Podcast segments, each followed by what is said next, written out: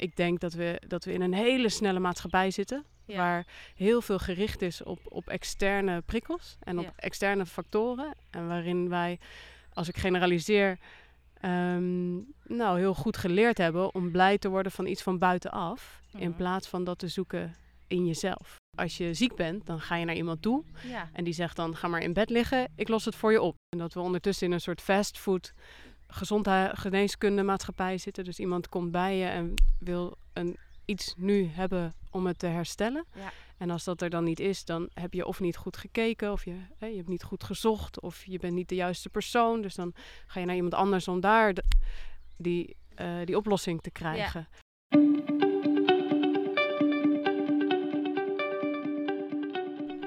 Welkom bij seizoen 2 van de podcast Stilstaan voor Dummies. Een rehab voor druktemakers. Eerste hulp bij stilstaan. De podcast voor zelfontwikkeling, leiderschap en weerbaarheid. Mijn naam is Ankie van Steen en in deze podcast ga ik mijn nieuwsgierigheid achterna. Ik ga op zoek naar antwoorden. Op Instagram en LinkedIn deel ik dagelijks mooie inzichten en tips. En leuk als je me daar gaat volgen. Of kijk voor mijn aanbod op mijn website www.ankievansteen.nl. In deze podcast ga ik in gesprek met experts. Want wat zijn nou die effecten van tijd en rust? En waarom is stilstaan helemaal niet zo eenvoudig? Waar is stilte eigenlijk goed voor? Voor wie? En voor wat? Ik geloof dat alle antwoorden al in jou zitten. Je moet er alleen naar durven luisteren. En dat stemmetje in jou schreeuwt niet, maar fluistert. Echt jezelf durven zijn vraagt om moed en lef. Want het is o zo eenvoudig en veiliger om je te laten leiden door de waan van de dag en wat anderen van jou eisen. In deze podcast daag ik jou uit om te gaan doen wat jij echt wilt. Weer te voelen en voluit te gaan leven. Vrij en onafhankelijk te zijn. Jouw droom achterna. En dat vraagt ook om alles aan te gaan en alles aan te kijken. Ook als het even spannend wordt, want daar zit jouw groei en dat weet jij. Dus handen uit de mouwen, het zit in jou, het is aan jou.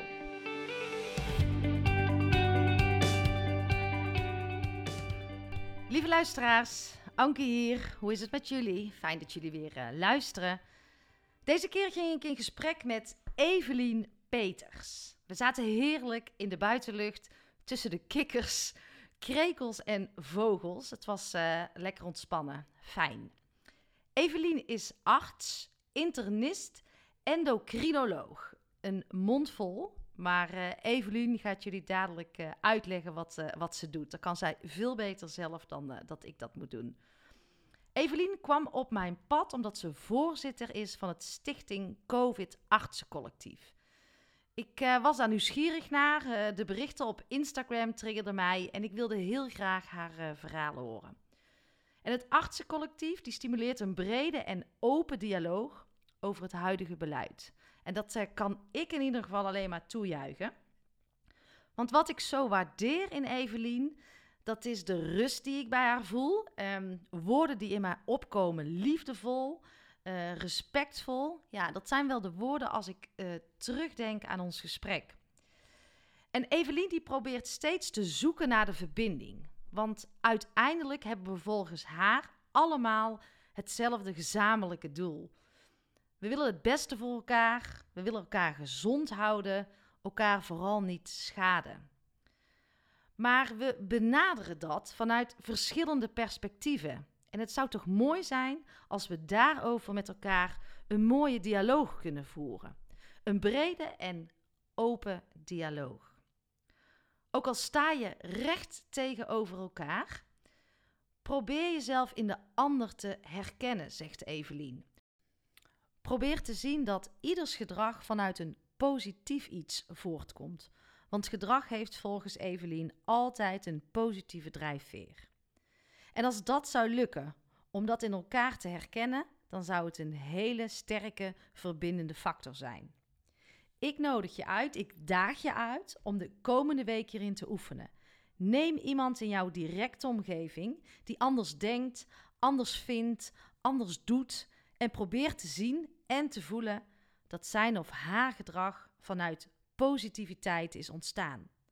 Luister naar ons fijne gesprek in de buitenlucht. Luister naar de kikkers, de krekels en de vogels. Maar vooral naar het mooie gesprek dat ik had met Evelien Peters.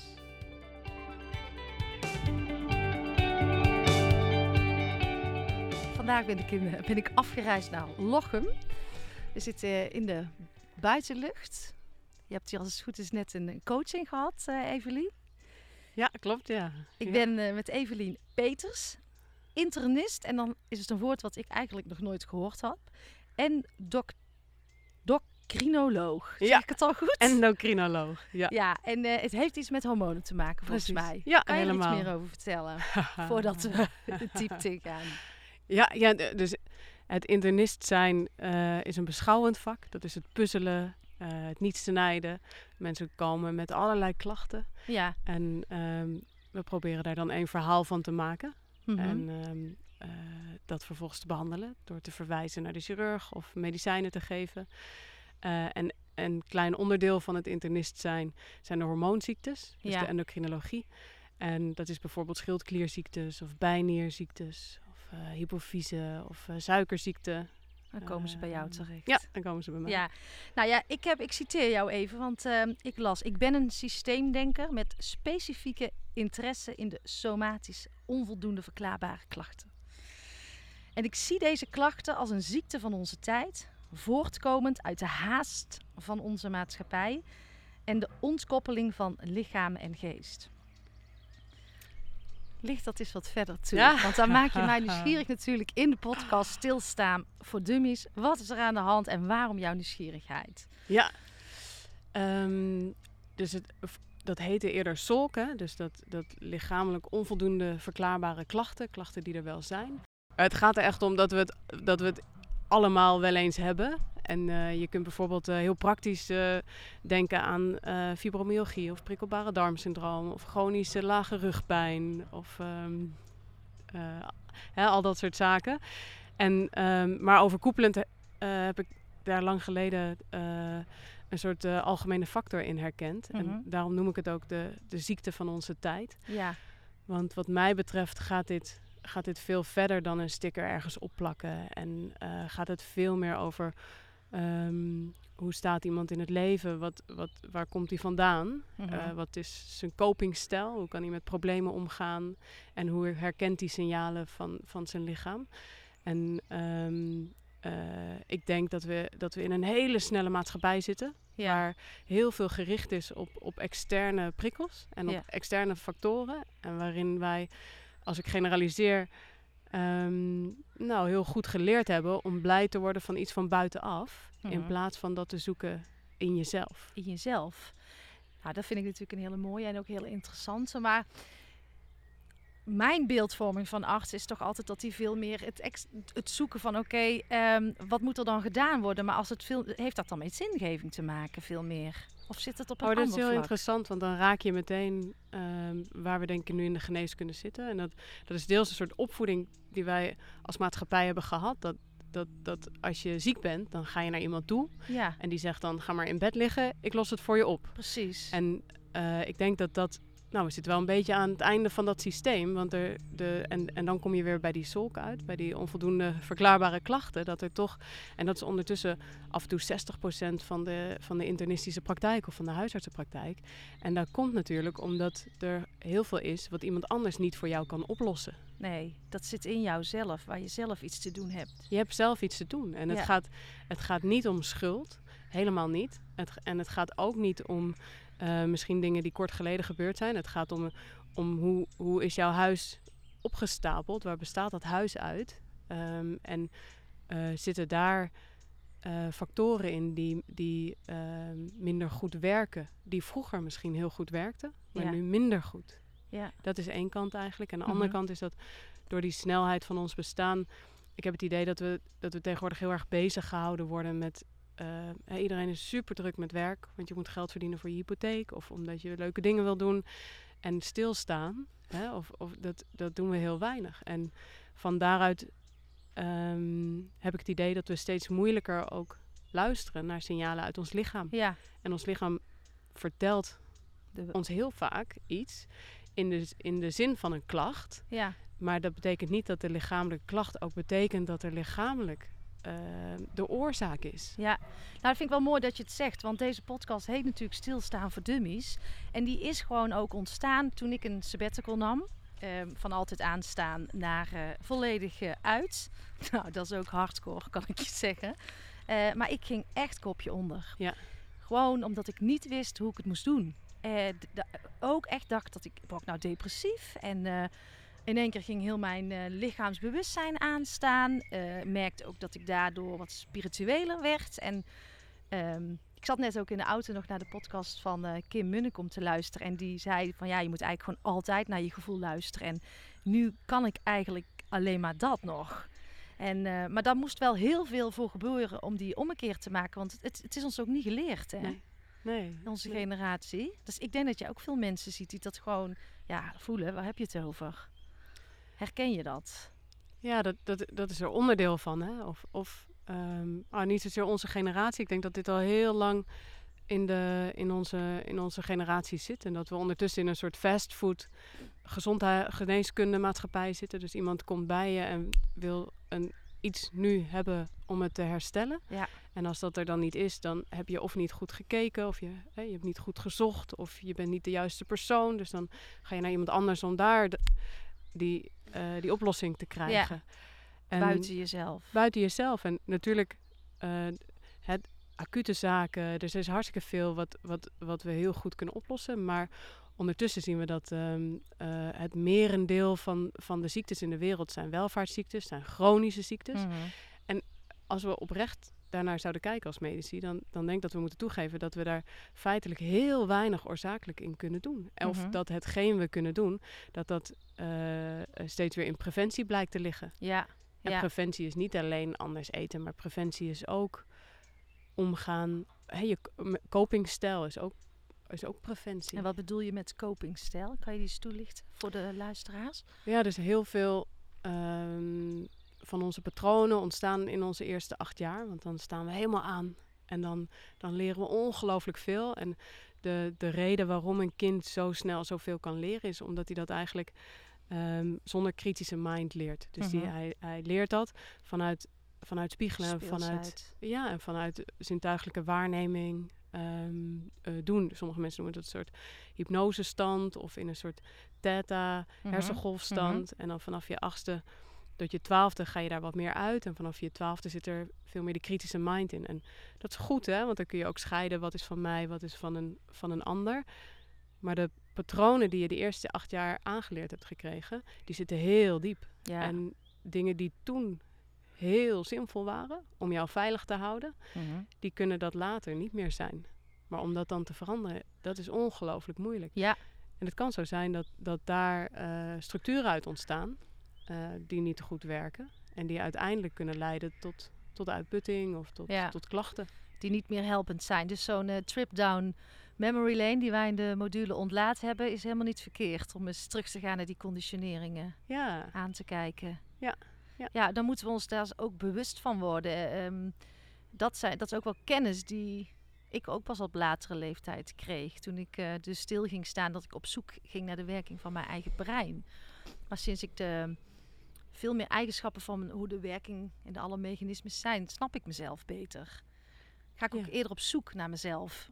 nou, we, we laten het best wel weg in de, in de geneeskunde. Hè? Dus we hebben het heel didactisch. Dus we, we pellen dingen af tot de kleinste ziekmakende eenheid. Of Mhm. tot, tot dat ene ding wat, wat er mis zit. Ja, Terwijl we zijn, we zijn een ecosysteem. Hè, we, we zijn een klein universum uit, in onszelf. We Ja. bestaan uit triljoenen cellen.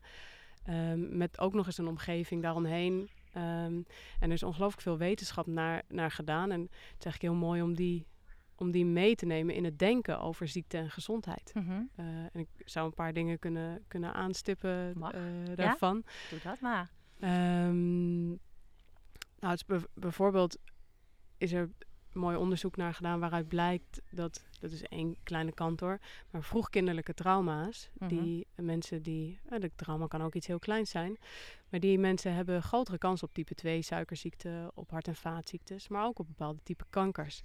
Dus, en dat is, dus, dat is een koppeling Mhm. van eh, psychische ervaringen naar uiteindelijk een lichamelijke ziekte. Ja.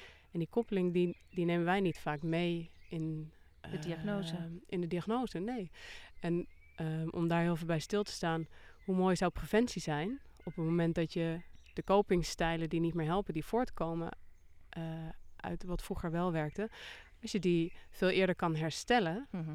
dan ben ik benieuwd, zou er dan minder hart- en vaatziektes uit voortkomen? En ehm, hè, dus zou je, zou je een aantal chronische ziektes kunnen voorkomen door eh, dus, ja. Ja. patronen op te lossen? Preventief, eerder daarnaar te preventief. kijken. Ja.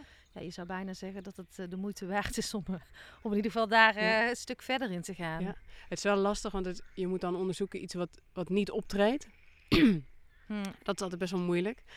En bijvoorbeeld een andere factor is, ehm, wat ik heel mooi vind, waar je ook weer ziet dat, er, dat, dat, dat lichaam en geest niet gescheiden zijn. Dat, dat, ehm, en een korte uitstap is dat mensen het best wel lastig vinden. ehm, eh, omdat op het moment dat een arts zoiets probeert, die switch probeert te maken, kunnen mensen toch horen als van, oh maar het, dus je zegt dat het in mijn hoofd zit. Of dus je Ja. zegt dat ik gek ben. Of Ja. dus ik heb het zelf gedaan. Ja. Dat is helemaal niet zo. Het is gewoon een wisselwerking.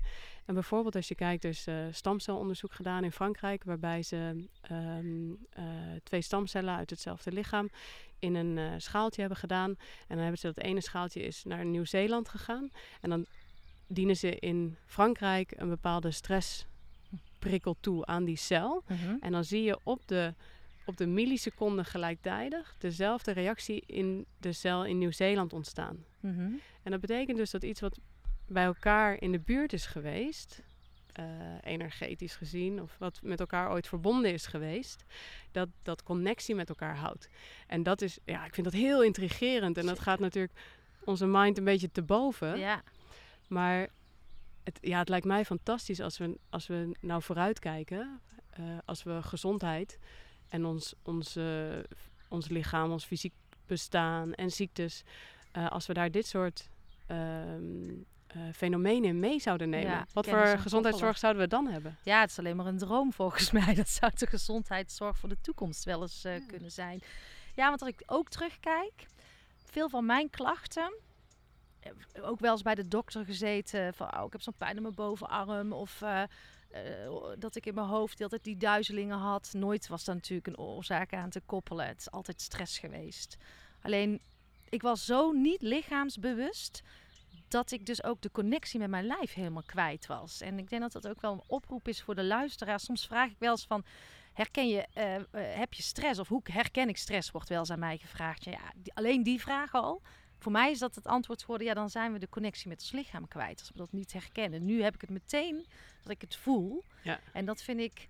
ehm, en dat vind ik dan eigenlijk toch wel heel magisch dat dat, dat, dat er ook mag zijn. En dat Ja. dat er veel meer zou mogen zijn om veel meer in dat lichaam te komen, toch? Ja. Ja, ja. En ehm, nou, stress is. We, we, we labelen tegenwoordig stress als, eh, als slecht vaak, hè? Mhm. Maar stress heeft ook een hele goede component. Als Zeker. Het, als het maar kort en intens is, dan weten we dat het het afweersysteem versterkt. Dat het onze resilience, onze weerbaarheid eh, verhoogt. Ja, Ehm, eh, dus dat is, het is best wenselijk om te streven naar, naar korte stressprikkels in de uitdaging van je, van je lichaam. Wat het, dat kan sport zijn of dat kan, nou, dat kan van alles zijn. ja, Ehm, eh, en, maar om chronische stress te voorkomen, dat is wel echt belangrijk. Ja. Ehm, ja, want dat is killing voor, de, voor ons lijf. ja, want dan slaat het eigenlijk door en dan, dan zie je dat daar slechtere, slecht, een slechter afweersysteem uit voortkomt. En dus meer kans ook op hart- en vaatziektes. Ja, en, is allemaal aan eh, elkaar gerelateerd ja, ja. natuurlijk. En het effect van. ehm, ja, dus als je zegt van ja, mijn lichaam geeft een signaal en ik herken dat niet, vind ik het mooi dat het lichaam wel heel geduldig is. Dus Zo. het zal je altijd nog weer een signaal geven. Ja, Het lastige is dus dat dat signaal waarschijnlijk wel heftiger wordt. ja soms eh, hoe vaak denk ik dan moeten we signalen krijgen. We zijn ook zo geneigd om daar makkelijk overheen te stappen. Ja. Het goed te praten voor onszelf, dat het allemaal oké is. Ja. Ehm, maar het is wel een uitdaging om daar naartoe te groeien, om daar meer naar te durven luisteren. Ja. Ik denk dat ook makkelijk dingen weg, ja, moffelen. Van, ah joh, valt wel mee. En toch die carrière, carrière belangrijker vinden of het, eh, het geld. Het extern gerichte. Ja, toch? Ja, zeker. Ja. Dus goed, nou willen we natuurlijk ook weten van, eh, van onze arts. Hoe zorg jij goed voor jezelf om, eh, om in balans te blijven, lichaamsbewust te blijven? Wat, wat doe jij? Nou, voor mij is, is bewegen heel belangrijk. Mhm. Ehm, eh, dus eh, hardlopen, eh, yoga. ehm, dat is een vorm van ontspanning. En, maar ook een vorm van inspanning, waardoor ik fijner slaap, dieper slaap, Ja, rustig ben. Ademhalen vind ik heel belangrijk. Ademhalingsoefeningen. De ademhaling is eigenlijk het, het, het meest makkelijke en het meest duidelijke ehm, ehm, ding wat we, wat we kunnen beïnvloeden tussen eh, ons sympathisch, parasympathisch zenuwstelsel. Dus je kunt met je ademhaling, kun je, als jij rustiger gaat ademhalen, Mhm. zal altijd je hartfrequentie naar beneden gaan. En als je hartfrequentie naar beneden gaat, is dat direct een signaal naar jouw hele lichaam toe, naar je zenuwstelsel, naar je hormonen, dat er rust is. wauw. En andersom ook. En dat, dat werkt altijd. Dus eh, op het moment dat je, dat je bijvoorbeeld merkt dat je in een stresssituatie schiet, of ook al ben je thuis en merk je dat je ergens aan denkt en dat het stressreactie eh, oproept. Als het lukt om aan je ademhaling te denken van hé, hey, adem ik hoog en snel of Mhm. adem ik nog steeds rustig? Mhm. Hoe is mijn polsfrequentie?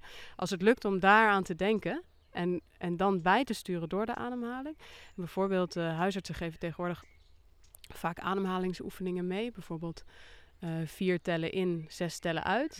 Mhm. Ehm, als de uitademing maar langer is dan de inademing. Dat is er eentje die, die je eigenlijk meteen meer tot rust brengt. Waarin jij je lichaam laat zien, er staat geen beer voor me. Precies. En want dat is interessant dat we, dat we weten dat, dat eh, stress hoeft niet, een stressprikkel hoeft helemaal niet feitelijk te zijn. Dus wat jij in je hoofd aan angsten hebt, Mhm, is net zo'n heftige prikkel, weten we uit bijvoorbeeld eh MRI-scans, mhm. ehm, als dat die beer echt voor je staat. Ja, ja ik, dat, daar had ik ook. Want de hersenen die weten dus niet of iets echt of nep is. Precies. En dan geef ik altijd het voorbeeld van als je in een je kunt denkbeeldig in een citroentje bijten, dat je ook echt dat gevoel en het op kan roepen. Dat vind ik wel fascinerend. Dus dat je, je kan je hersenen dus ook alles wijsmaken. Je kan jezelf alles wijsmaken, laat ik het zo zeggen.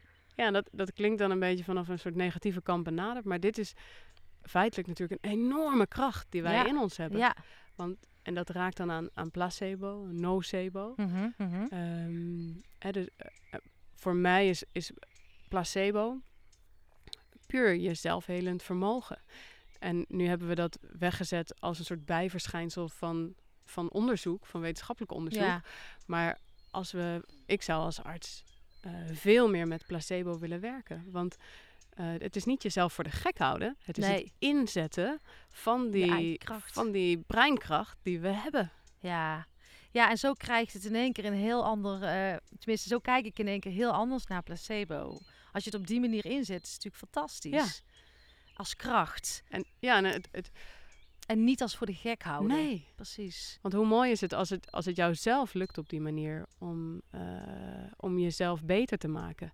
Is dan die externe prikkel nodig? En soms Ja. kan die externe prikkel wel, wel helpen hoor. Dus, om een voorbeeld te geven, ehm, was er een keer een mevrouw en die wilde een bepaald soort medicatie. En ik wist niet zeker of dat wel de oplossing zou zijn. En medicatie he- heeft altijd een werking en een bijwerking. Mhm, mhm. Ehm, en dan moet het wel, waarvoor je het geeft, wel opwegen om ook een bepaald risico op bijwerkingen te lopen. Ja. Eh, toen heb ik met haar afgesproken dat we een NS1-onderzoek zouden doen. Dus de apotheker heeft eh eh, suikerpillen, neppillen gemaakt eh, en echte. En zij hield een dagboekje bij en we hebben bloedonderzoek gedaan, maar er niet naar gekeken. Ja. En eh, wij wisten allebei niet wat zij kreeg. En zij heeft een aantal weken het een, een aantal weken het ander gebruikt. Eh, en daarna zijn we bij elkaar gaan zitten. En heeft zij verteld wanneer zij zich het beste voelde. Eh, en zij vertelde dat, dat er echt, ze begon met medicatie. En ze voelde zich een ander persoon. Ze was anders op haar werk. Ze kreeg complimenten van haar collega's. Ze was anders in een relatie. Ze zei, nou, dat was echt heel fijn. Mhm, mhm. Ehm, en in haar idee moest dat dus ook wel het werkende middel zijn geweest. En toen hebben we die blindering opgeheven. En toen bleek dat eh, de suikerpil te zijn. Joh. En het grappige was, of het bijzondere, en ook een lering voor mij, was dat het voor mij. Ik was heel blij voor haar, want ik dacht, jee, nu heb je jezelf aangetoond dat jij jezelf beter kan maken. Ja. Ja. Ehm, dus ik dacht, nou, dit is toch, dit is toch een doorbraak. En het, het frappante was dat zij eigenlijk helemaal terugtrok, stil werd, eigenlijk kwaad werd. En ik heb nooit meer contact met haar gehad. En dat heeft mij zo aangezet dat, dat, we, dat we psychisch gezien, of in onze maatschappij, helemaal niet meer gewend zijn. ehm, dat, dat het uit jezelf mag komen. Ja. Dat je die kracht in je hebt. Ja, mooi hoe je dat zegt. Nou, het, het triggert maar even. Jij kent veel naar Van Betten ook, volgens mij, hè? Mensen identificeren zich ook bijna met die andere rol. Dat je geholpen moet worden van buitenaf. En als het dan in één keer eh, blijkt dat je het zelf kan, dan moet, ben je, ja, je bent helemaal niet gewend om het op die manier te doen. Het is bijna een soort inbreuk op je identiteit. En er zit, zit toch ook wel een psychische laag. Want het heeft mij ook geleerd dat je, dat je mensen dus ook veel meer moet coachen van tevoren. Ja, Dat de kans bestaat dat iemand zichzelf geneest. Want de, de boodschap die het haar eigenlijk gaf was... Jee, ik, ik doe mezelf dit aan. Ik heb mezelf altijd voor de gek gehouden. ehm, eh, en ja. dat is zo, het is zo'n heftige ehm, ervaring eigenlijk. Dat je daar, daar moet je iemand ook in begeleiden Ja. en in guiden. Ja. ehm, van tevoren al. Ja, en nu even de brug naar, eh, naar eh, het ziekenhuis. Ik, ik, ik kom er helaas eh, twee keer per jaar voor wat controles. En als ik daar binnen zit, en ik merk het eigenlijk sinds ik steeds... Ik liep er altijd heel druk naar binnen, omdat ik altijd ook heel graag heel druk was. Dat was mijn, dat was mijn identiteit. Hardlopen, hard roepen en vooral zeggen hoe, hoe druk ik was. Nu ik zelf ehm, stap terug heb gedaan en veel meer vanuit eh, dus mijn intuïtie, vanuit mijn kernwaardes, eh, mijn bedrijf om mij heen heb gebouwd en niet meer andersom. Nou, dat eh, voor de luisteraars doe je niet in, in twee maanden. heeft jaren geduurd met ook heel veel shizzle. Dat is niet altijd de makkelijkste weg. Maar nou ik het ziekenhuis binnenloop, in die rust en veel meer kan observeren en kan kijken, dan denk ik elke keer wat een gehaast. En dan zit ik daar en dan het loopt altijd uit, 9 van de 10 keer. En dan hoop ik maar dat het is, omdat er aandacht voor de patiënt moet zijn eh, en heel veel liefde voor de patiënt. Eh, maar ik zie veel haast, ik zie drukte. ehm, en dan ik, kl- klopt dit? Is dit oké? Of hoe wordt daar ook aan gewerkt? Wat, hoe wordt stilstaan gezien in een ziekenhuis voor de artsen zelf? Wat is jouw beeld daarbij? Ja, het is een mooie vraag. En wat mij betreft raakt het aan... ehm, zorgen artsen wel goed genoeg voor zichzelf? Ja, En, want als je arts niet goed voor zichzelf zorgt, hoe kan hij dan voor jou zorgen? nou dat is een beetje wat dan ontstaat. En ook omdat ik eh, de veranderprogramma's die ik deed, eh de eerste wat ik vroeg aan, het, eh, aan de directie, willen jullie het voorbeeld zijn van de verandering? Willen jullie het voorbeeld zijn van wat je uitstraalt? En, en, en dat zie ik, daar zie ik een soort van tegenstrijdigheid in een ziekenhuis. Vind ik, en dan begin ik steeds, nou, zonder oordeel, maar het begint me steeds meer te fascineren van, klopt dit? Nou, dit is een, een hele goede vraag. En ik hoop dat we met z'n, met z'n allen steeds meer die vraag gaan stellen. Ja, En dat we steeds meer... Ja, dat klinkt dan egoïstisch, maar dat is het niet. Maar eerst goed voor jezelf zorgen. ja, En eerst zorgen, heeft de, zit de arts wel in een, in een kamer met daglicht? Heeft hij wel pauze? Heeft hij, kan hij plassen als hij moet plassen? Het Ja. zijn heel elementaire dingen, maar stiekem eh denk dat er best wel veel artsen zijn die, die da- daar geen tijd voor hebben. geen tijd voor nemen en hebben ook Ja. vanwege wat ze, wat ze allemaal te Wat doen hebben op een dag. Ja. Ja, het is mooi. Word je zelfliefde. Ehm, ik zat in de podcast met Giel Belen. En die heeft dat heel lang als een soort eh, allergie opgezeten. Die zei, dat is vol van zichzelf. En ik, eh, lief zijn voor jezelf, vond ik ook altijd... Maar eigenlijk is, dat de, het stap één, toch? Ja. Waar we mee zouden moeten beginnen. Ook Ja. voor de artsen. Ja. Ja, het begint ook met compassie, zacht zijn voor jezelf. Dus ook al, ook al ben je heel druk en lukt het je niet, ook daar dan in weer, weer zacht zijn naar jezelf. Ja. En als ik gedurende een dag bijvoorbeeld, al kan ik maar soms even 10 minuten mediteren of even naar binnen gaan, dan laat ik weer op. Het is, eh, ja, eh, met een lege band kan ik niet meer fietsen. Nee. En je hebt maar zoveel energie om te geven. Hè? Dus als het. En artsen zijn vaak hele gedreven mensen die, die zich volledig geven voor hun patiënten en voor de zorg. Ja, en, wat heel mooi ehm, is. Ja, en dat is, dat, is, dat is denk ik in het allergrootste deel van, de, van mijn collega's.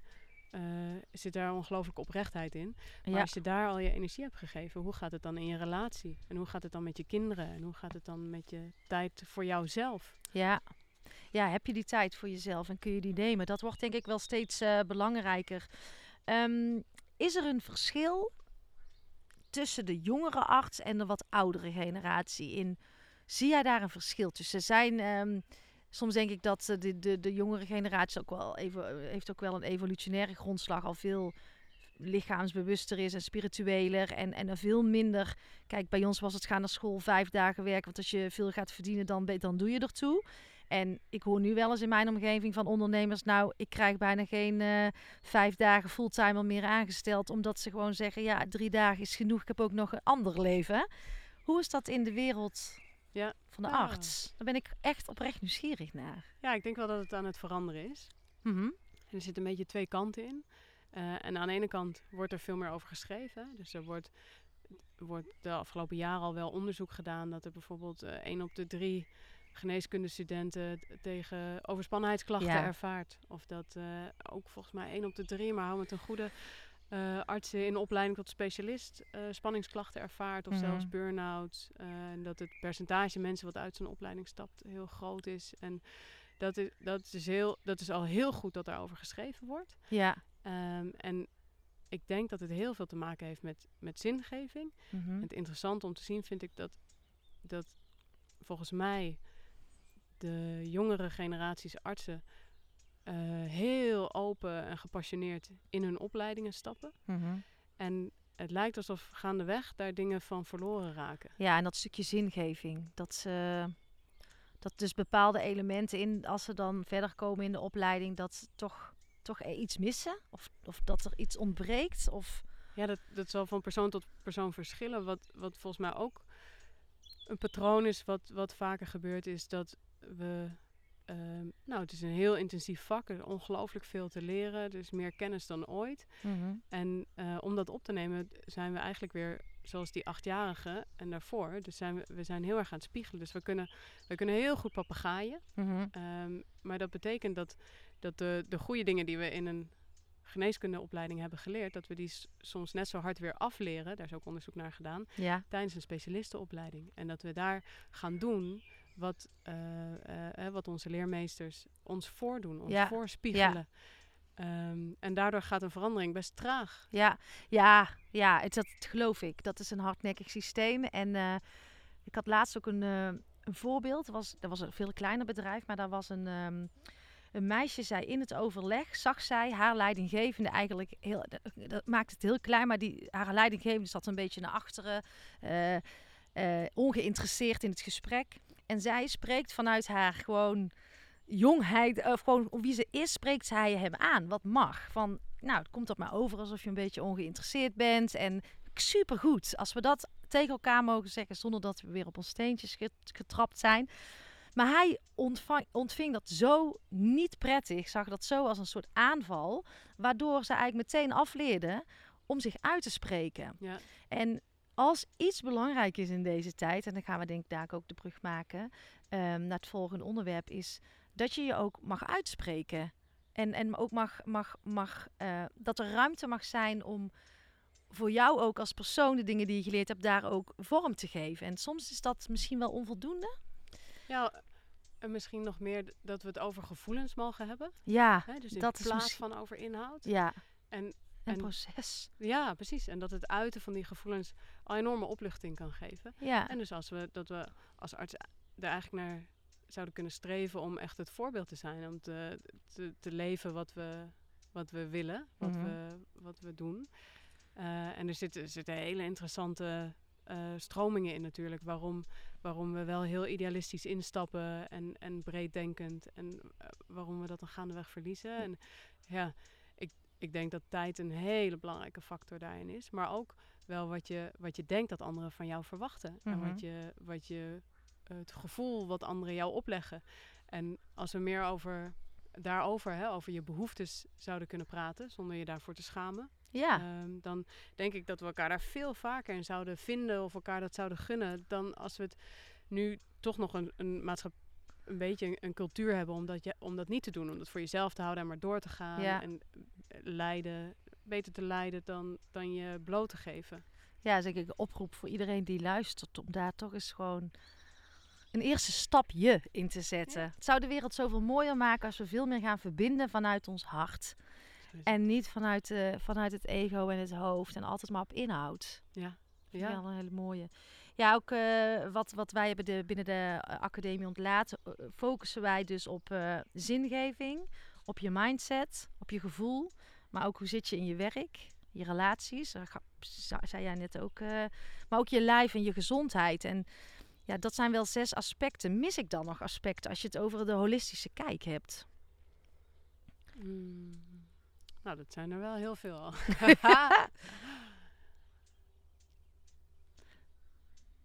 nee, ik denk, ja, dus onder zingeving kan je ongelooflijk veel scharen. Ja. Ja, nee, ik denk dat dit heel belangrijke zijn. Dat hele, ja, hele Ja. belangrijke zijn. Dat vind ik ook wel fijn om te horen. Ik denk dat het ook goed is om daarnaar te kijken op die manier. Het is tijd voor een nieuwe definitie van groei. Namelijk verbetering van welzijn van jou en je omgeving. Dat noem je ook wel je ecosysteem, toch? En een verandering van beleid en opleiding gericht op gezondheidszorg naar gezondheid. Nou, volgens mij hebben we het daar eh, voldoende over gehad. We gaan de brug even slaan naar ehm, het artsencollectief.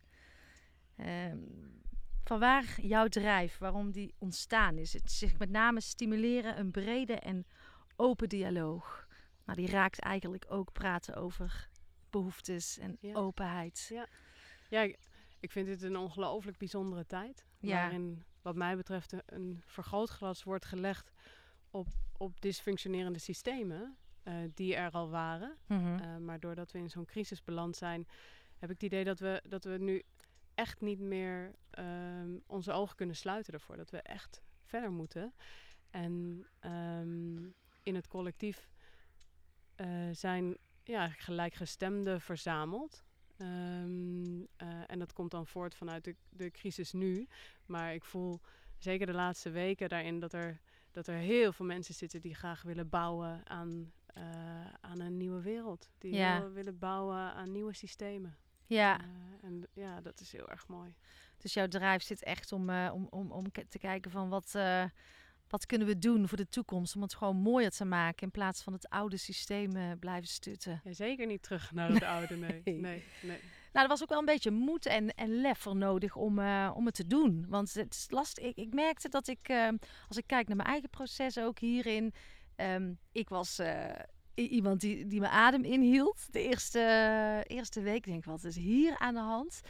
Nou, dan ga je op een gegeven moment een beetje lezen en nadenken. En dan kom je ook wel tot andere inzichten. Maar voordat ik mij uit durfde te spreken... Nou, ik moest wel even over bepaalde hobbels heen. Het werd vooral een beetje op schuld en schaamte. eh, voor mijn gevoel, eh, ja, asociaal als je anders denkt. Dat ruimt zo niet met deze tijd voor mij. En, en ook niet met mijn eigen kernwaardes van de rechtvaardigheid. En eh ga staan voor waar je in gelooft. En jezelf uitspreken. Ja. Maar wat, gebeur, wat, wat maakt het toch dat dat... Was het voor jou lastig om, om, om, om te zeggen van... Nou, ik ga me gewoon uitspreken dat, dat, ik, dat ik anders mag denken, anders vind. Nou, ik heb, ik heb het niet op die manier ervaren. Ik heb het echt vanuit een urgentie ervaren. Vanuit een bezorgdheid eh, dat, dat de proportionaliteit zoek was. Ja. Ehm, dat, het, dat het evenwicht tussen schade en goed doen eh, eh, zoek was. En Ja. het, is, het is nu een crisis uit naam van volksgezondheid. En daarin denk, ben ik, denk ik dan als arts... voelde ik me sneller aangesproken wellicht dan, dan mensen die niet in de, in de zorg zitten. Mhm, mhm. Ehm, en ja, ik, ik voelde echt een, een ethische, morele grens die overschreden werd Ja. in wat er om me heen gebeurde. En daarin, ehm, nou, ik was nooit heel activistisch, maar en nog steeds niet heel activistisch, maar de, de urgentie om me uit te spreken, ja, die was bijna niet meer te onderdrukken. Nee. Omdat ik dacht, we mogen niet elkaar schaden op deze manier. Mhm. Eh, ja, dus dat, Die zat bij jou heel diep. Die zat heel manier. diep, ja. Nou, dat herken ik zeker. En eh, op een gegeven moment was er ook geen weg terug meer. Dat ik dacht, ik kan ook niet meer stil zijn. Ehm, heb wel een tijdje ook een beetje boosheid en frustratie daarin gevoeld. Omdat ik me onbegrepen voelde. Voel, eh, onbegrepen voelde. Met name ook, ja, toch wel in, in je directe omgeving. Mensen staan lijnrecht tegenover elkaar. Ik vind dat een interessant, wat denk wat gebeurt daar? Ehm, dat, dat dat ontstaat in deze tijd. Dat het zo twee kampen zijn. Polarisatie is wel aanwezig op dit moment. Ervaar jij die ook? enorm. Er is een enorme polarisatie. ehm, en ik probeer steeds te zoeken naar waar ligt de verbinding eronder. Ja, dat vind ik En heel mooi van je. Waar zit de, de- uiteindelijk ben ik ervan overtuigd dat we gezamenlijke doelen hebben. Namelijk het beste voor elkaar. Ja. En elkaar gezond houden en elkaar niet schaden. en, Mhm. eh, maar we benaderen dat vanuit eh, verschillende perspectieven. Ehm, eh, en het lijkt mij mooi als we toch over die verschillende perspectieven in ieder geval zouden kunnen praten. Ja, En dat herken ik helemaal in wat jij zegt. Dat we ondertussen in een periode zijn waarin dat niet meer lijkt te kunnen. En dat is wel heel erg zorgelijk. ja, dat baart mij ook zorgen. We moeten dit echt vanuit de verbinding gaan doen met Ja. elkaar. Ja. Vanuit een dialoog, ook in... Ik denk dat wij, net als ma- maatschappij, als we het over de artsen hebben of over een bedrijf, maar dat wij nu ook als mensen een soort bedrijf, de, de, de maatschappij moet elkaar leren te gaan begrijpen. En dan denk ik, oh ja, dit is wel een hele grote uitdaging. Ja, ja. Maar wel hard nodig Ja, om de verbinding met elkaar te gaan zoeken. ja. ja die, die compassie voor elkaar. Alleen al als je, ook al sta je rechtlijnig tegenover elkaar, om in de ander te herkennen dat, die, dat, die, dat zijn gedrag vanuit een positief iets voortkomt. Ja, dus mensen, gedrag heeft altijd een positieve eh, drijfveer. Dus iemand probeert zichzelf veiligheid te geven of, of blijheid of ehm, eh, nou noem maar op. Maar het gedrag van een persoon is altijd gestoeld op een positieve trigger. ja. En als, als het zou lukken om dat in elkaar te herkennen, Mhm. dan, dan zou daar denk ik een heel sterke verbindende factor in kunnen zijn. Dus ja, ik probeer ook, nou, als ik om me heen kijk, ehm eh, met mensen die, die, die dingen doen waarin ik denk dat het schadelijk is. ehm, eh, en waarin ik niet snap dat ze dat doen. Om toch meer stil te staan en te denken. Wat mooi dat jij op die manier probeert iemand anders te beschermen. Wat, wat, wat mooi dat je zo ver wil gaan om voor iemand anders te zorgen. Wat, wat, Mhm. wat mooi, wat ben ik je daar dankbaar voor. Ja, om er op die manier naar te Heel kijken. ander gevoel. Ja. ja, dat roept een heel ander gevoel dan dat je het vanuit eh lage trilling doet. Boos, eh, gefrustreerd. Ja. Ehm, ehm, wa- daar hadden we het net ook over. Je bent, we zijn nogal geneigd om die houvast buiten onszelf te leggen. En nu ook van alsjeblieft wachten op onze redder. Ehm, ik denk dat dat ook het, het, het systeem is zoals we het altijd hebben geleerd. Om nog een- een- een- aangeleerd. Een mooi voorbeeld. Ik, was, eh, ik ontmoette gisteren een vrouw van 80 en eh, die had net eh, corona gehad. Prima uitgekomen ook. En eh, ja, ik had een uur met de GGD in de telefoon en ik mocht dit niet. Ik mocht niet naar buiten. Ik, mocht, eh, ik heb twee weken binnen gezeten. Ik heb me zo eenzaam gevoeld. Echt huilen. Ze zei letterlijk tegen mij, nou, mijn tranen stonden in mijn ogen. Weet je, ik eh, wacht elke dag op dat ik niet meer wakker hoef te worden. En toen zei ik, maar waarom ga jij niet gewoon lekker wandelen? Als je dat altijd doet, waarom ga je niet naar buiten? Ja, maar dat mag ik niet. Van wie mag jij dat niet? En toen, s'avonds had ik het ook met mijn man over. Ja, we zijn, dan denk ik, we zijn zo plichtsgetrouw en volgzaam. Ja. Ik, eh, ik, ik, ik, ik stond daar echt naar te kijken. Ik denk, dit klopt ook gewoon niet meer voor mij. Nee, ja, er zijn twee, twee dingen. Ehm, dat we in angst, hoe meer we in angst zitten, hoe, hoe meer we zoeken naar een houvast. Ja, En die houvast wordt dan van buitenaf eh, geboden. Ik maak me alleen sterk zorgen dat de houvast die geboden wordt, eigenlijk schadelijk voor ons als, als mensheid en Ja. als eh, communie is. Ehm, de andere kant is, is dat, en dat is een heel bekend voorbeeld hoor, maar dat als een eh, jong olifantje aan een ketting zit en hij probeert zich drie keer los te trekken, Mhm. dan bij de derde keer weet hij van, oh, dit lukt me niet. Mhm. En als hij dan een hele grote olifant is, dan heeft hij diezelfde ketting nog. En als grote olifant kan hij die makkelijk terugtrekken of kapot trekken en Mhm. weggaan. Mhm. Maar dat zal hij niet meer doen, omdat hij in zijn, toen hij jong was, hij al heeft geleerd en totaal geïntegreerd dat Mhm. het onmogelijk is om weg Los te te lopen. komen. Ja, ja, ja. Terwijl het op dat moment niet meer waar is. Maar, dus ik denk dat een deel van die plichtsgetrouwheid doen we ook onbewust. Dus Ja. we willen, door, door goed regels op te volgen, zijn we, zijn we het braafste kind. Hopen Ja. we dat iedereen ons, ons mag. Hopen we dat we voldoen, dat we erbij horen. horen. Ja. Ja. En dat is, want ik denk dat de oplossing op dit moment heel erg ligt in naar decentrale organisaties gaan. Naar in je buurt, om jou heen, jouw systeem zoeken. En daar elkaar bekrachtigen. Ja. En dat, ook al is er angst, ook al maak je je zorgen, om eh, in elkaar iets te vinden wat je daaruit kan helpen. Of hoe je elkaar kan steunen. In plaats van dat vanuit een overheid te verwachten. Ja, ja, ja. Oh, eh, ik heb altijd het beeld voor me dat ik, ik zie iedereen omhoog kijken. Maar ik denk dat we veel meer naar links... Ik noem het wel het voorbeeld van duiken. Ehm, als, je, als je aan het duiken bent, dan is er in één keer een wereld onder je, naast je, boven je. En ehm, we zijn alleen maar in, die, in zo'n kolom aan het kijken omhoog. Terwijl we volgens mij de oplossing veel meer. Ehm, nou, ik zie ook wel. Ik denk dat we straks misschien veel meer. veel lokaler willen gaan leven. Zou ik ook wel een droom uh, vinden. Of. Uh, ja, elkaar toch meer gaan helpen, meer gaan delen. Um, en ook veel zelfredzamer worden en eigen verantwoordelijkheid gaan nemen voor ons, uh, voor ons eigen leven. In plaats van het eigenlijk uit handen te geven. Ja, ja. ja en ik denk wat een, wat een groot gevaar wat er de, de laatste tijd volgens mij heel sterk gebeurt, is een, een soort verdeel- en heersprincipe. Ja. En, en in de polarisatie zit ook heel veel afleiding, waardoor we niet goed bezig kunnen zijn met wat er werkelijk toe doet. Hmm. Uh, en um, als we dat zouden kunnen gaan herkennen, dat, we, hmm. dat, dat, ja, dat we af en toe tegen elkaar uitgespeeld worden. Ja. En dat we elkaar bezighouden met allemaal futiliteiten. Kijk naar, naar een, nou, naar een, een, een Zwarte Pieten discussie of naar Black Lives Matters. Black Lives Matters. Of dat het zijn allemaal heel belangrijke zaken. Zeker. Um, maar is het, is het werkelijk, gaat het werkelijk daarom? Of zit er een veel grotere algemene factor mm. onder? Mm. Um, en leidt dit alleen maar tot kleinere groepjes vormen die, die weer tegen elkaar heel druk zijn. Ja. Terwijl we dan missen dat er ja, dat, dat we in een, in een, in een eigenlijk in een, in een volledig gecapitaliseerd systeem leven. Uh, waarin, waarin wij de markt zijn geworden van grote bedrijven. En ja. waarin uh, de, de, de macht ligt waar het geld ligt. En Mhm. de, geld ligt bij, bij een drietal grote bedrijven. Bij de, bij de pharma, bij de techbedrijven.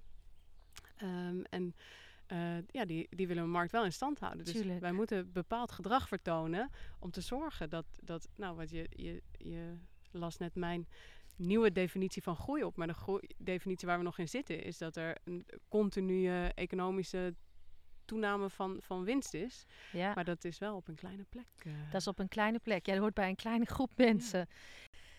Ja. Um, aandacht voor lifestyle. Um, waarom is daar zo weinig aandacht voor? Ja, het, toch heb ik het idee dat we de laatste jaren enorme slagen hebben gemaakt. Nou, dat vind ik al heel fijn om te horen. Uh, ja, ik denk dat, dat, dat meer mensen dan ooit bezig zijn met allerlei leefstijlaanpassingen. En het, ja, ik ben daar wel heel blij om. Volgens mij zijn we dat steeds meer aan het integreren. Um, uh, en is het nu belangrijk om te kijken dat we waar leefstijl uh, vaak voeding is of bewegen, Mhm. mm -hmm. dat we ook een stukje uh, interne zelfzorg nog weer mee, uh, meenemen. maar zie je dat in, het, in de aanpak nu ook voldoende? Dat mensen, uh, dat, we, dat we ook kijken naar lifestyle in relatie tot heel de COVID-periode? Of hoe is jouw beeld daarbij? Nou ja, ja, preventie zit altijd heel vroeg. Hè? En, en ik, ik denk dat we daarin ook veel meer individuen en, en decentraal uh, uh, mensen zouden kunnen empoweren. Ik denk dat, dat als gemeentes of bijvoorbeeld verpleeghuisgroepen zelf onderzoeken zouden inzetten. Mhm. Mm -hmm. Naar bijvoorbeeld doe eens tien verpleeghuizen met bepaald soort ventilatie en tien andere niet. Nou, dan weet je na twee maanden waar, waar het probleem waar, zit. Ja, welke beter werkt of, ja. of allebei niet. En daar liggen best wel veel mogelijkheden. En dat is opvallend dat, dat die eerste lijn, die nulde lijn, hè, dus, en, en, en die preventieve handelingen, dat, ja, ik zie die niet heel goed, goed terugkomen. Of wat mij betreft is er ook niet heel veel geld naartoe gegaan de nee. afgelopen nee. jaar. Nee, dat, dat zien we volgens mij allemaal. En dat zou wel... Uh, zou wel heel, heel, waardevol zijn. Ik, ben, uh, ik ging naar de sportschool. Toen dacht ik, nou, nu de sportscholen open zijn, bijvoorbeeld, iedereen is daar weer. En ik kijk, ik doe crossfit dan uh, twee keer in de week en ik zie mijn klasje. Ik zeg, waarom zijn er nog maar drie mensen? Toch uh, dat, dat, nou, ik had verwacht, maar dat is ook gewoon mijn label wat ik erop leg, dat iedereen daar naartoe rende nadat het weer mocht. Maar toch gaf het, was er toch nog een grote um, kloof dat mensen of niet te lang stil hadden gestaan, weer lastig vonden om, om op gang te komen. En ehm, ja, we zijn toch allemaal eh, gemiddeld toch 5,5 kilo aangekomen in deze tijd. Dus we hebben ook nog wel wat te doen op het gebied van lifestyle. En, het- en het verbaast mij dan ook dat daar gewoon geen ja, onvoldoende aandacht naartoe gaat. Ja, op, op, op, een, op een niveau waarvan ik denk, nou, daar, daar was ik 15 jaar geleden. Ja. Maar Ja. daar hebben we nog wat te doen. Ja, ja, ja, absoluut. En ja, het, het, eh, het vervelende is, is dat het, en dat is wel eens een syndermie genoemd, hè, maar dus dit is een, een, ehm, een pandemie die, eh, dus de risicofactoren om ernstige corona te krijgen liggen vooral in de welvaartsziektes. En Ja. eh, door, de, door de maatregelen worden die welvaartsziektes erger. Hè? Alcohol is continu in de aanbieding geweest. Mensen hebben kilo's erbij. Ja. Mensen die door het sporten, de sportscholen dicht, toch weer aan hun, aan hun suikertabletten zijn. Eh, en daardoor juist meer kans lopen op een ernstig beloop. Dus daar zit echt een, een, een, een samengang ook in. Dus Mhm. ik denk, en dat is wel heel belangrijk. Dit, dit is het moment, hè. we zitten voor de, eh, voor de zomer, om nu vooruit te gaan kijken. Hoe gaan we dit nu anders doen? Ja, ja, want we kunnen niet van de ene lockdown eh, in de andere Nee. lockdown gaan vallen. Gaat heel veel schade aanrichten. Zou daar ruimte, is daar voldoende ruimte om daar een open debat over te voeren? Ehm, nou, dat, dat, wij willen dat wel eh, heel graag. Hè? Dus wij, onze volgende stap zou zijn om het kabinet een, eh, een model voor te spiegelen en te vragen of dat ook een optie zou zijn. Ehm, ehm, maar ja, dat, dat is ook de afgelopen maanden vanuit verschillende groepen gedaan. En, Mhm. eh, op een of andere manier heeft het nooit aangeslagen. Nee. Dus dat is toch, ja, dat is toch de vraag wat er, wat er dan speelt. Ja, dat, daar vraag ik mezelf ook af. Vind ik een hele moeilijke.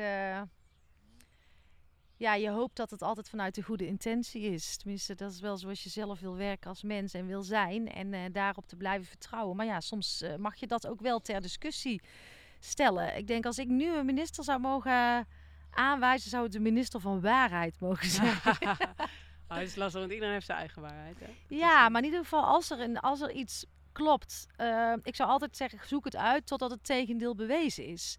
En nu lijkt het wel alsof er geen ruimte is om het gesprek eh, te voeren. En dat is wel Ja. jammer. Ja, precies. Ja, of zet verschillende OMT's naast elkaar. Hè? Ja, ja. eh, En, en kijk het wat breder vanuit verschillende invalshoeken. Ook heel holistischer. Ja. Ja, een interessant tijdperk. Ik ben heel benieuwd. Maar als we gaan bouwen aan de nieuwe toekomst.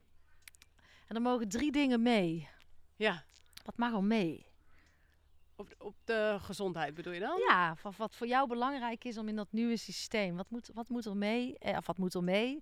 Eh, het mag ook iets compleets nieuws zijn. Maar wat, eh, waar denk je aan?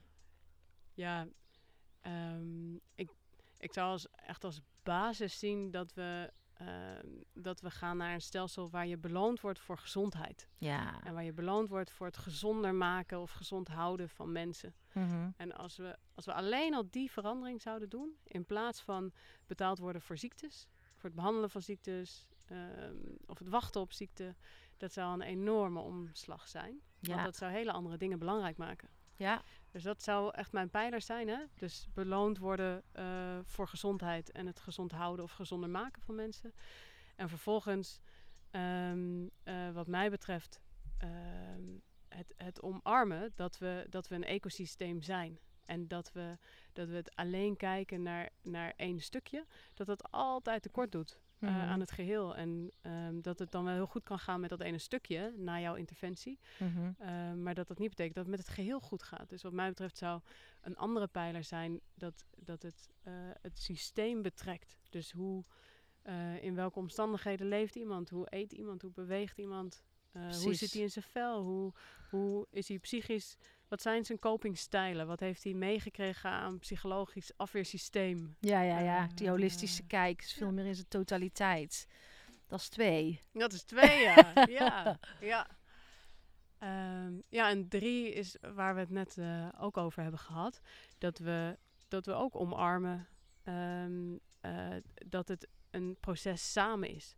Dus dat de arts niet meer is dan de gids Mhm. om jou door een gezondheidslandschap mee te nemen. En Mhm. je te wijzen op mogelijkheden. Mhm. En te wijzen op valkuilen. Of te wijzen op waar, waar onevenwichtigheden zitten.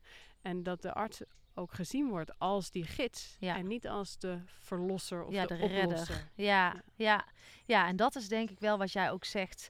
Ehm, en ook een oproep aan de luisteraars dat we ehm, veel meer eigen verantwoordelijkheid kunnen gaan nemen over ons eigen leven. Maar daar zijn we ook gewoon waard. Ja. Dat is ook een stukje zelfliefde. Ja, Totaal niet egoïstisch, denk ik. En ehm, maar ja, het zijn mooie dingen om, eh, om mee te nemen naar de, maar de, naar de nieuwe wereld. Ik, ik hoop, eh, voor mij mag die morgen. ik stap mee in, ja. Ja, Evelien, volgens mij hebben wij een heel mooi gesprek gehad. Is er nog iets wat jij wil toevoegen?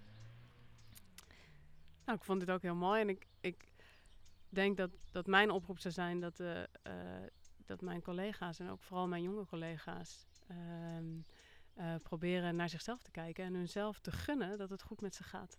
En als, dat, als ze zien dat ze daarvan weggaan, om dan toch te kijken van, nou, hoe kan ik en goed voor mezelf zorgen en een goede carrière doorlopen. Ja, ja want het kan echt. En eh, ja, ik ben daar zelf een voorbeeld van geworden. Dat je en stil kan staan, lief zijn voor jezelf. En dat je tegelijkertijd als een speer gaat. Maar eigenlijk ga je nog harder. Omdat je nog intenser en puurder gaat leven. Exact. Dus Ja. eh dank je wel voor jouw Dank eh, tijd. Dank je wel.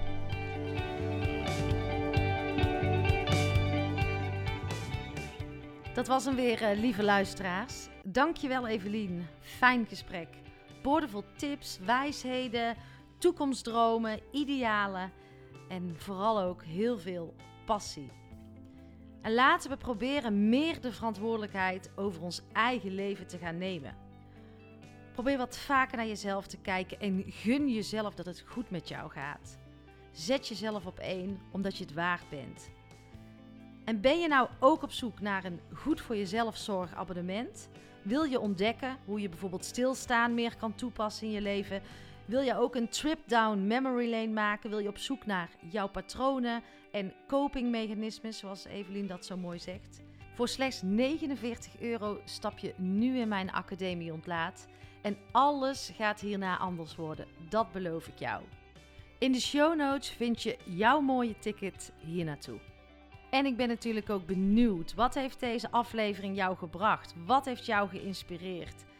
Deel het met me via Instagram, Facebook of LinkedIn en tag mij in jouw bericht. Dat zou ik hartstikke leuk vinden. En dan weet ik ook dat jij mijn luisteraar bent, want eh, als podcastmaker is dat best een beetje gek dat je heel veel deelt, maar dat je niet echt weet wie er naar je luistert. Dus alleen maar leuk als dat dan ook een eh, gezicht mag krijgen. En daarmee kunnen we de podcast ook groter maken en kan ik een groter bereik krijgen. Dat zou ik echt super fijn vinden. Zodat ik nog meer mensen kan inspireren. En deze podcast is in het leven geroepen om te kunnen geven. Maar voor alle gratis content die ik aanbied, zou ik graag één dingetje aan jullie willen terugvragen. Zouden jullie een review willen achterlaten in iTunes? En in de show notes van deze aflevering staat de link. Dan wordt de podcast nog zichtbaarder en daarmee kan ik nog meer mensen met mijn verhaal raken. En ja, dat zou ik enorm waarderen. Ik droom groot. Tot de volgende podcast.